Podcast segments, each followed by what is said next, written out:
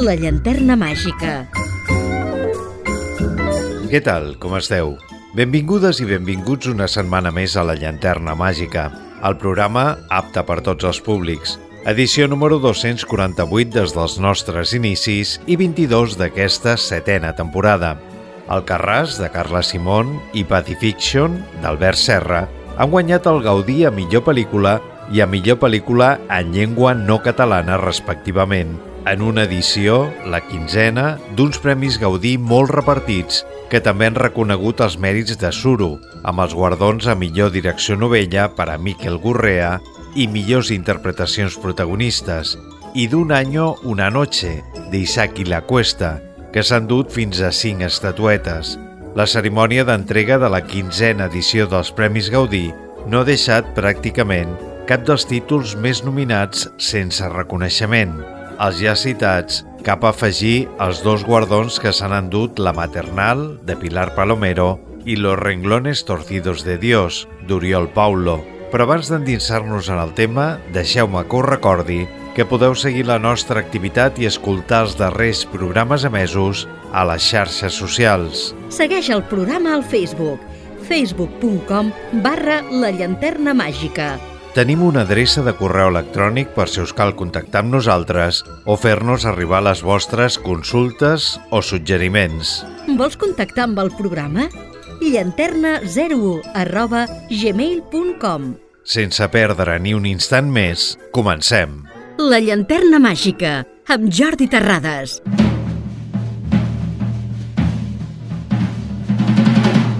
Una gran representació de l'escena cultural catalana es va donar cita el 22 de gener a la Sala Oval del Museu Nacional d'Art de Catalunya, que es va vestir de gala per acollir la quinzena edició dels Premis Gaudí. A més de personalitats com Judit Colell, presidenta de l'Acadèmia del Cinema Català, van desfilar per la catifa vermella les premiades Carla Simón, Vicky Luengo, Oriol Pla, Isabel Cuixet, Josep Abad o el guanyador del Gaudí d'Honor, Jaume Figueres. Llum Barrera va estar l'escollida per presentar l'acte de lliurament dels premis. I ja que hem fet menció a Jaume Figueres, el periodista i cronista, va rebre el premi de mans de la que va ser la seva companya a la retransmissió dels Òscar, Anna García Sinyeri. A la breu introducció al lliurament del premi, García Sinyeri va dir que hi ha periodistes bons, dolents, boníssims, dolentíssims i després està Jaume Figueres i abans d'entregar-li l'estatueta, la presentadora i escriptora ha parafrasejat el periodista dient «Si avui és diumenge, avui és el Gaudí d'Honor». Amb tota la platea d'en peus, Figueres va agrair el reconeixement per part de l'Acadèmia del Cinema Català.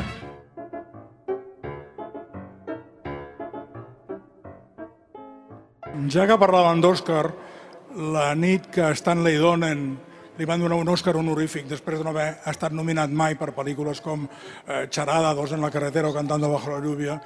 Stanley Donen, que ja tenia una edat, es va marcar uns, pa uns passos de claquer al ritme de xic to xic.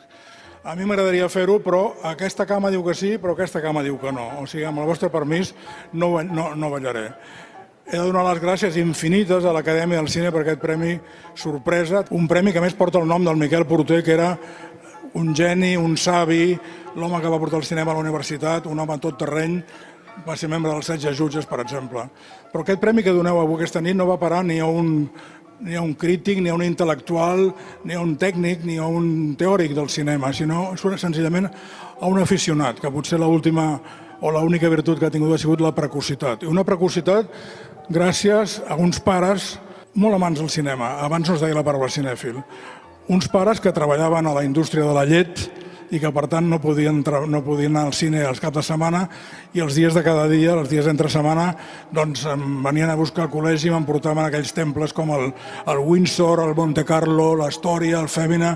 Eh, aquesta possibilitat de veure cine molt, molt jovenet va fer que, a més a més, tingués una prolongació, que és que els Reis d'Orient, que tenien una gran connexió amb els meus pares, van portar una màquina d'escriure l'any 1948 1948. Jo tenia 8 anys i vaig començar a fer cròniques de cinema en aquella màquina d'escriure Hispano Olivetti, és a dir, que jo sóc una, una mena de coproducció entre la indústria làctea i la indústria cinematogràfica.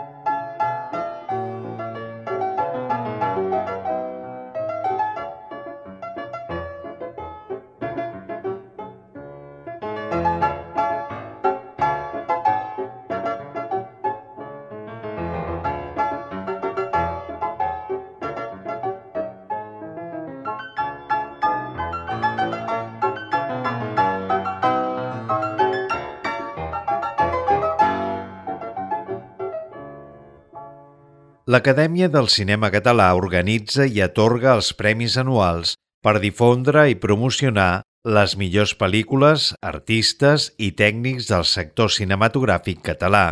L'objectiu principal de l'Acadèmia, a l'organitzar els Premis Gaudí, és dotar-los del prestigi i segell d'altres premis similars existents a Europa i arreu del món, impulsant-los a través de l'Acadèmia que és la institució que aglutina els professionals del sector, els acadèmics, que són els que votaran i decidiran els premis anuals. Comencem, si us sembla, mencionant la producció que es va endur el guardó a millor curtmetratge. Per aquesta categoria competien Demà ho deixem, de David Moragas, El dia que volaron la muntanya, d'Alba Bresolí, Sol, d'Alberto Gros i Arta, de Julia de Paz Solvas, que finalment va ser l'escollida. La cineasta terrassenca es posa al darrere de les càmeres per parlar-nos de Carmela, una nena de 12 anys que el dia del seu aniversari és obligada a veure's amb el seu pare en un centre de trobada familiar a causa de la sentència de violència de gènere que aquest té sobre la seva mare. En la periferia brillante de una galaxia mediana en medio de un mar oscuro donde flota nuestro mundo tú que vienes a rondarme como los nueve planetas. Parece que cuando bailas llueven miles de cometas. Tú que vienes a rondarme amárrate a mí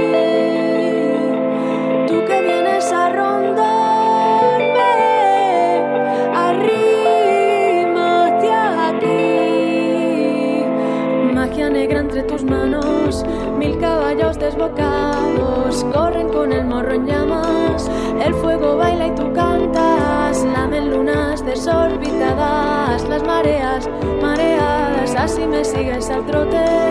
Y de cabeza al galope. Magia negra entre mis formas. Suben hormigas se enraman romeros de sierras altas. Fresco el aire que me canta se han abierto las ventanas. Beben cientos de gargantas. Mientras alzas con la mano el vino que todo sana tú que vienes a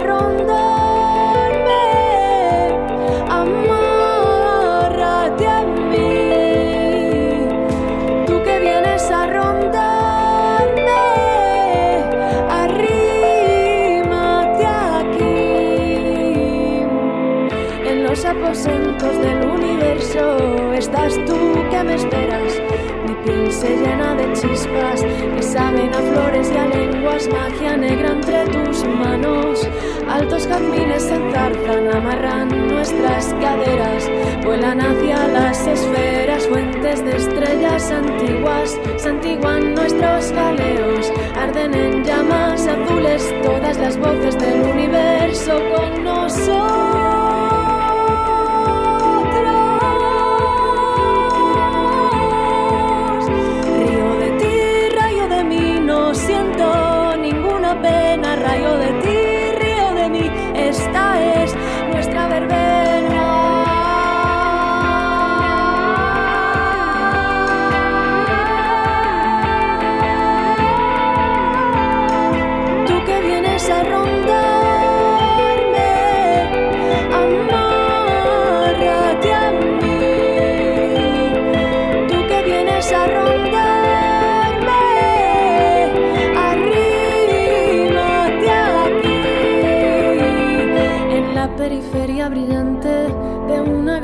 mediana en medio de un mar oscuro donde flota nuestro diminuto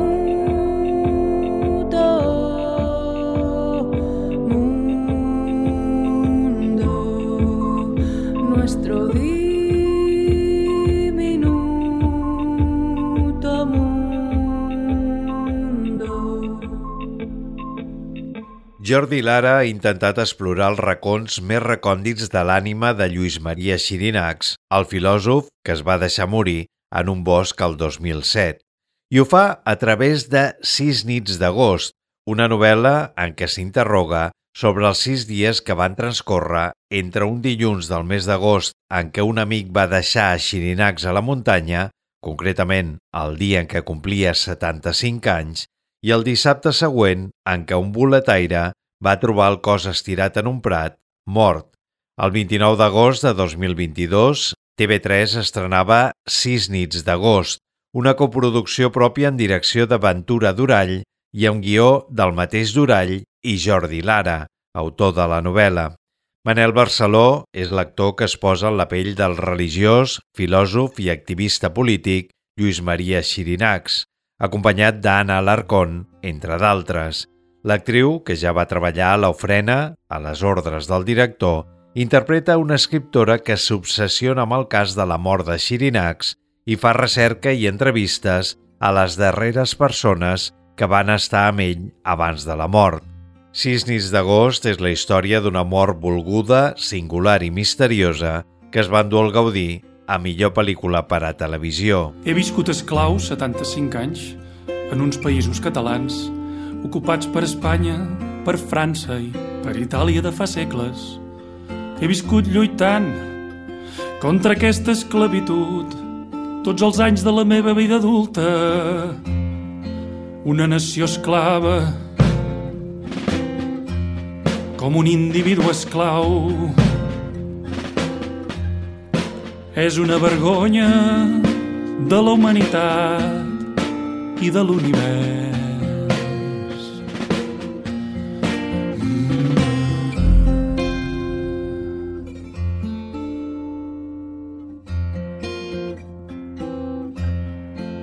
Però una nació mai no serà lliure si els seus fills no volen arriscar llur vida en el seu alliberament i defensa. Amics, accepteu-me aquest final absolut i victoriós de la meva contesa per contrapuntar la covardia dels nostres líders massificadors del poble. Avui, avui la meva nació esdevé sobirana absoluta en mi en mi. Ells han perdut un esclau. Ell és una mica més lliure. Perquè jo sóc amb vosaltres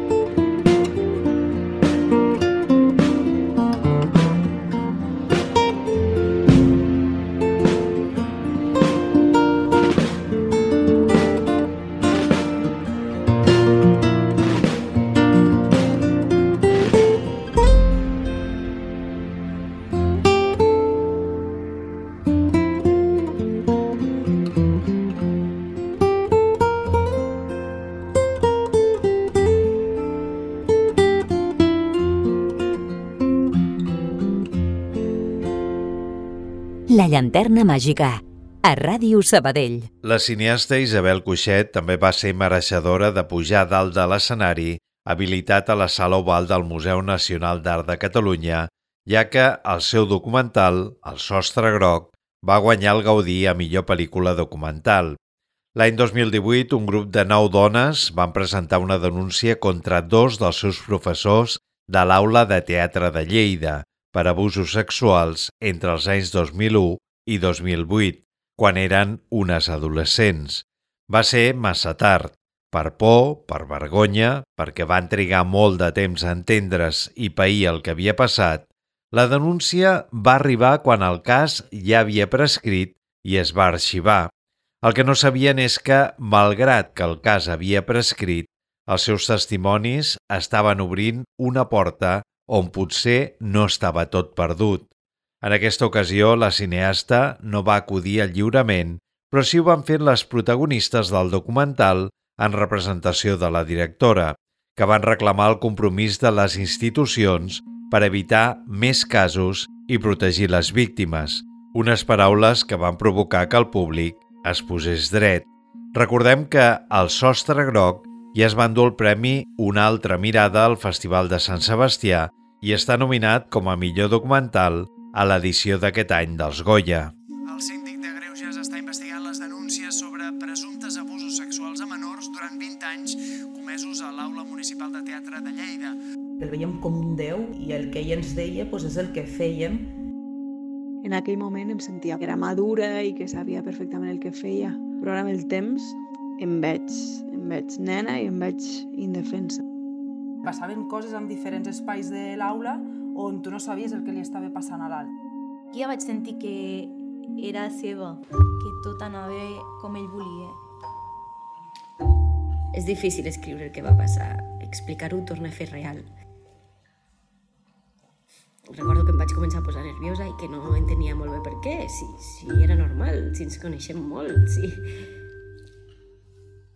Però és que em mirava diferent.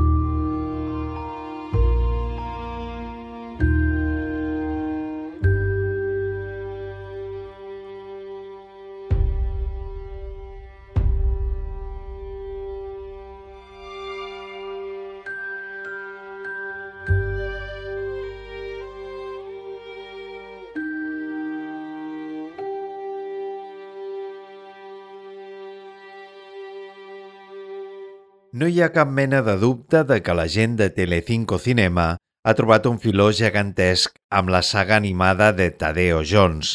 Les dues primeres aventures de l'arqueòleg gitano van recaptar gairebé 90 milions de dòlars a tot el món entre totes dues, i amb aquest precedent calia esperar que l'estrena de la tercera entrega, titulada La taula maragda, tornés a posar de cap per avall als nostres cinemes.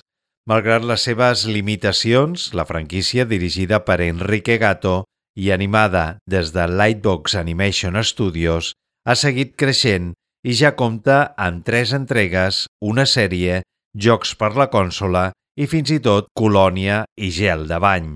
La darrera entrega es va estrenar el mes d'agost de 2022 i es va convertir en l'estrena espanyola més vista de l'any. A Tadeu li encantaria que els seus col·legues arqueòlegs l'acceptessin com a un més, però sempre acaba fent la grossa.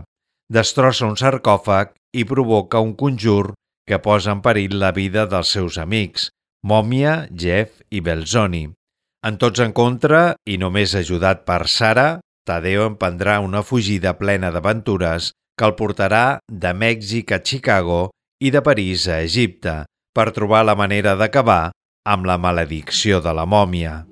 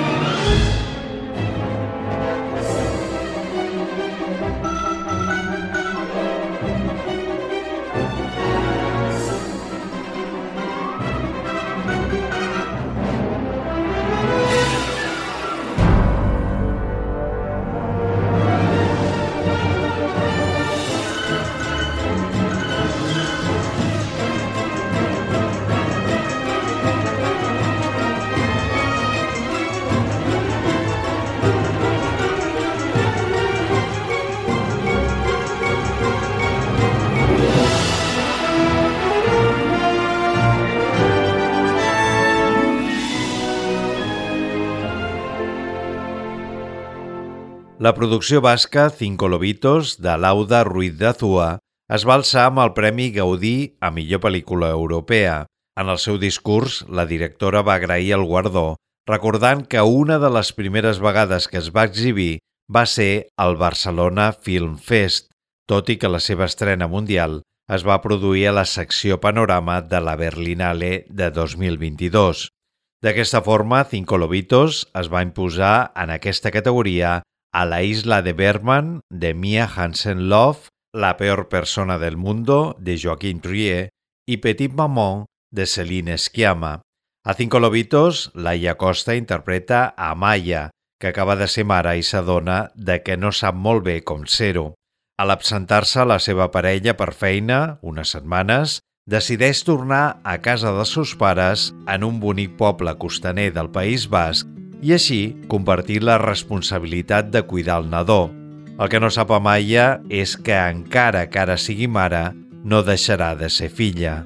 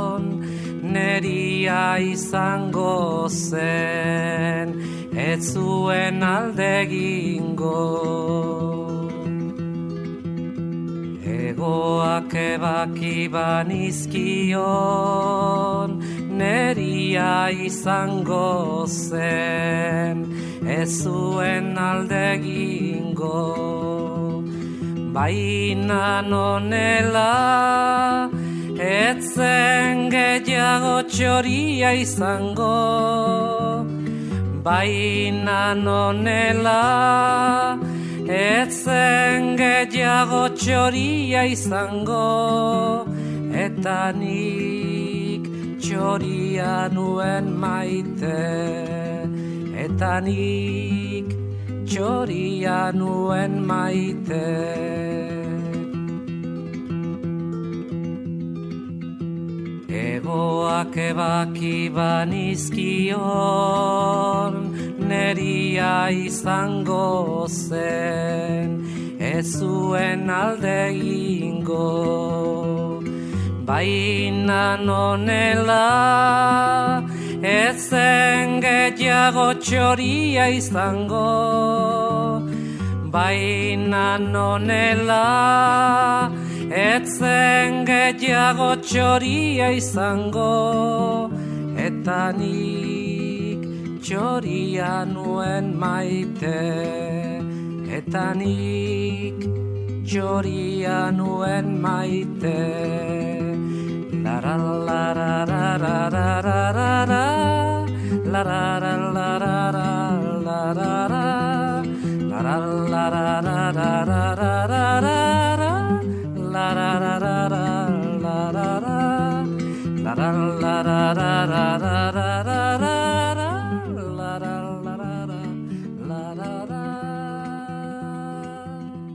Ens encanta el cinema. La pel·lícula Los renglones torcidos de Dios del director Oriol Paulo i basada en la novel·la homònima de Torquato Luca de Tena, que va iniciar la nit amb vuit nominacions, finalment es van dur dues estatuetes, el Gaudí a millor maquillatge i perruqueria i el de millor vestuari.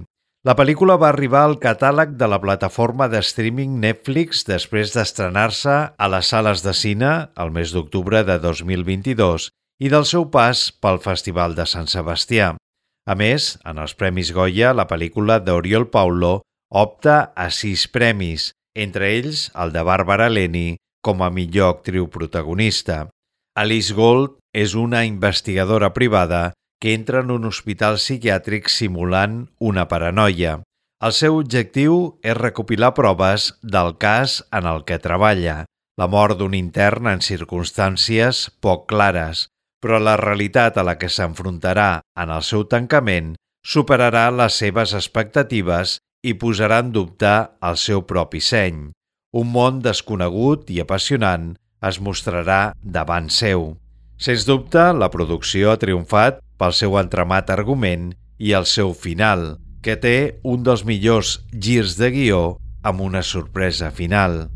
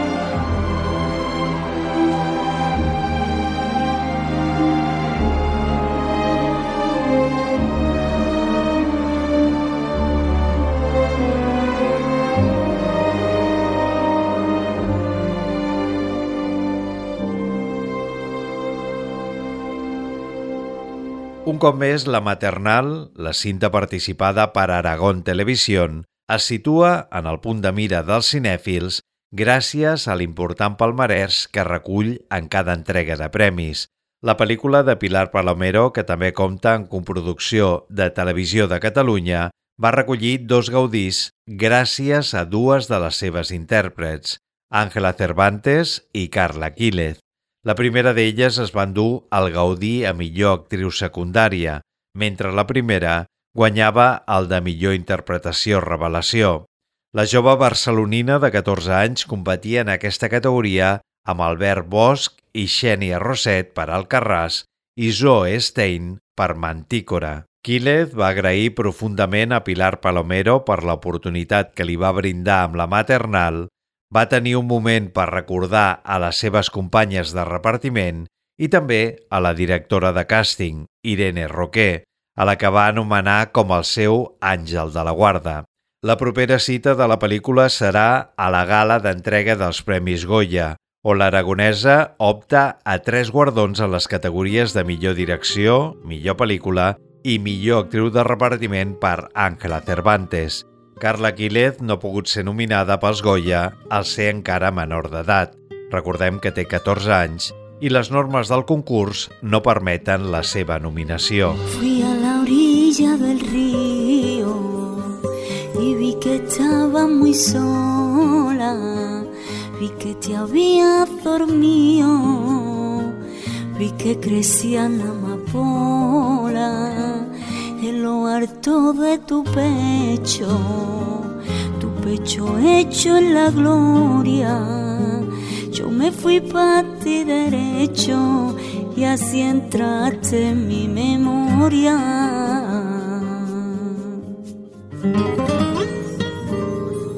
Tú me vestiste los ojos, yo te quitaba la ropa todas las palomas que cojo vuelan a la pata coja. Tú ibas abriendo la sala, yo iba cerrando la boca. la flor desarropada y yo el calor. Oh,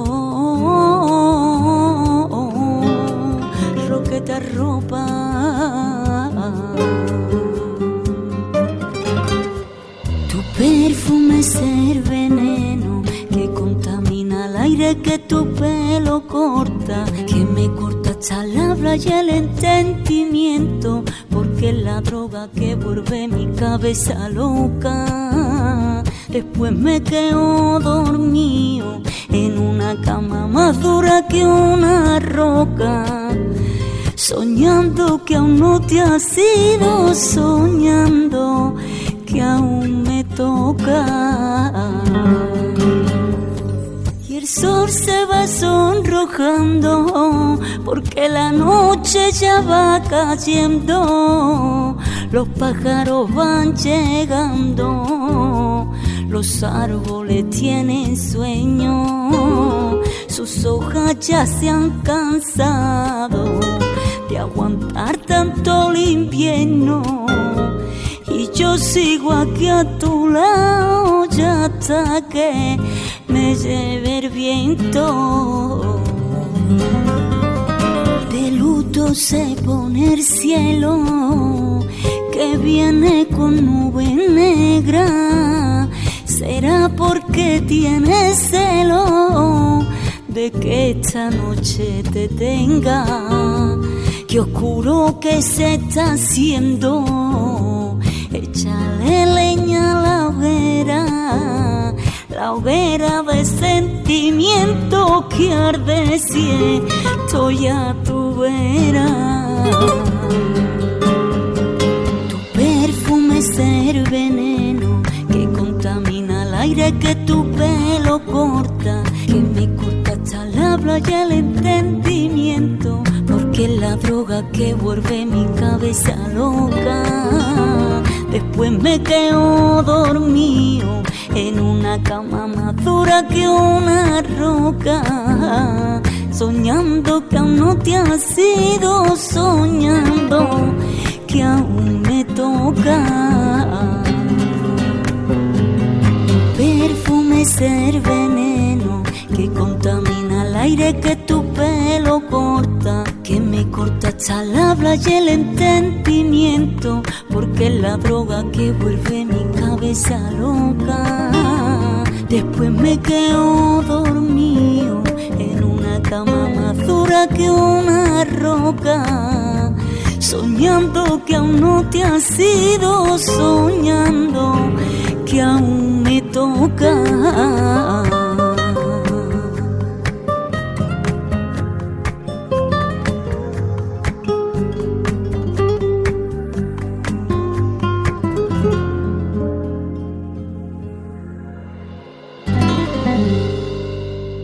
Miquel Gorrea s'ha endut el Premi Gaudí a la millor direcció novella per la cinta Suro, a la primera edició dels Guardons, que s'entrega un premi en aquesta categoria.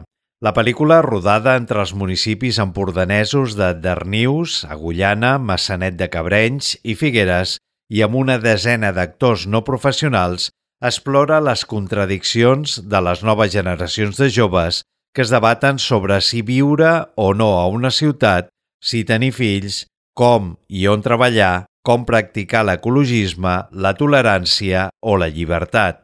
Gorrea competia en aquesta categoria amb tres dones, Avelina Prat, amb Bàsil, Carlota González Adrio, amb La casa entre los cactus, i Laura Sisteró, amb Toliati Adrift. La producció també s'ha endut els Gaudí a millor pel·lícula per Vicky Luengo i millor actor per Paul López. En el cas de Pacifiction, que recentment s'ha endut tres premis Lumière a França, l'Acadèmia del Cine Català l'ha reconegut amb els Gaudí a millor direcció artística per a Sebastián Vogler, millor fotografia per a Artur Tort i el més important, el de millor pel·lícula en llengua no catalana, un dels màxims guardons entregats en aquesta edició.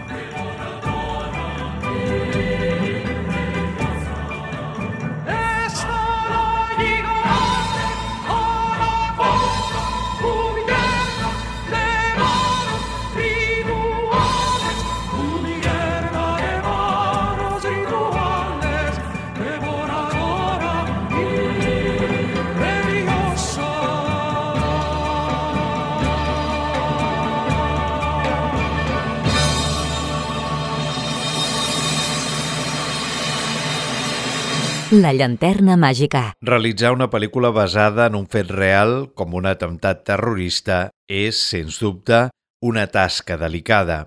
I l'acostament del director espanyol Isaac La Cuesta a un succés així no va poder ser més respectuós i sincer. Un año, una noche, posa el focus en les diferents maneres de suportar un trauma, el d'una parella que era a la sala Bataclan de París el 13 de novembre de 2015, basada en el llibre de Ramon González, Paz, Amor i Death Metal, que explicava la seva història de supervivència després dels atemptats on 90 persones van ser assassinades. El guió, escrit a sis mans entre Isaac i la Cuesta, Isa Campo i Fran Araujo, oscil·la entre escenes d'aquella nit i d'altres un any després. I aquest entrellaçat va afegint capes i més capes de gotejos de matisos al quadre final que un es fa de Ramon i de Celine, la parella protagonista interpretada per Nahuel Pérez Vizcayar i Noemí Merlan. Un any una noche ha estat la pel·lícula més premiada de la nit, amb els reconeixements a millor guió adaptat, millor muntatge, música original per Raúl Refri, efectes visuals i so.